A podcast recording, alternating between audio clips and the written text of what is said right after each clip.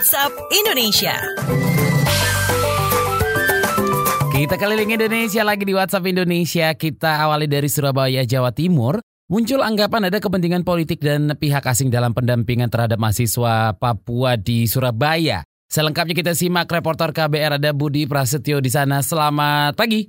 Selamat pagi, Lembaga Bantuan Hukum Surabaya menepis anggapan bahwa ada kepentingan politik dan pihak asing dalam pendampingan terhadap mahasiswa Papua di Surabaya. LBH sebagai lembaga yang konsen di bidang hukum dan penegakan HAM akan melakukan pendampingan terhadap warga yang tertindas tanpa pandang bulu.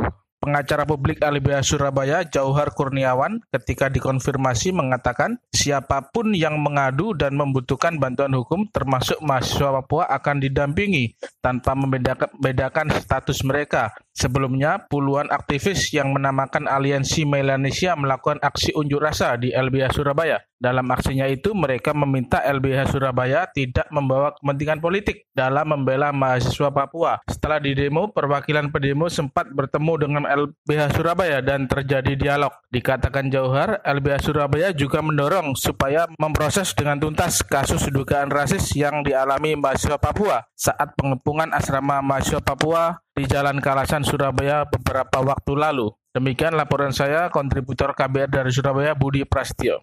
Dari Surabaya kita ke Aceh, di mana sejumlah pimpinan dan guru pesantren di Kabupaten Aceh Utara memperoleh program jaminan kecelakaan kerja dan jaminan hari tua dari Badan Penyelenggara Jaminan Sosial BPJS. Kita simak bersama kontributor KBR ada Erwin Jalaluddin di sana. Selamat pagi.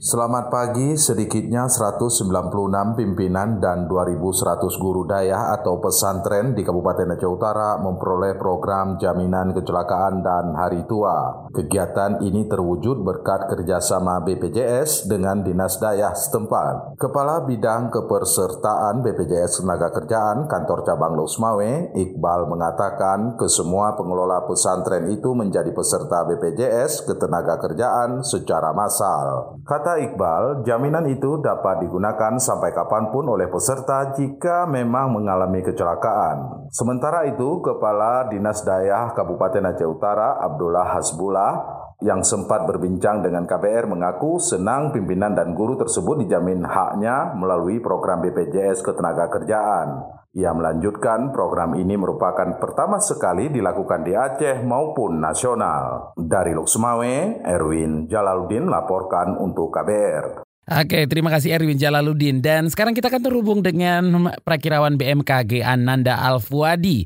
uh, untuk melaporkan gimana sih cuaca sepekan ke depan. Selamat pagi, silakan.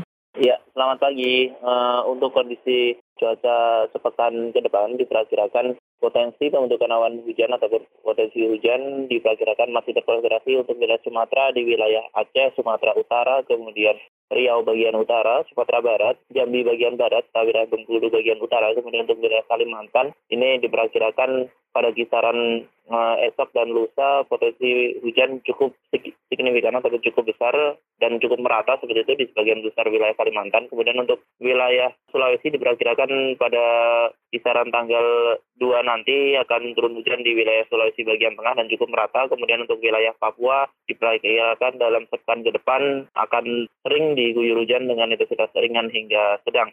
Selain untuk wilayah Indonesia bagian selatan, kondisi cuaca relatif kering, artinya cuaca cerah hingga cerah berawan yang akan mendominasi di wilayah Indonesia bagian selatan dalam sepekan ke depan. Baik, terima kasih perakirawan BMKG Nanda Alfadi. Selamat bertugas kembali. Selamat pagi. Selamat pagi.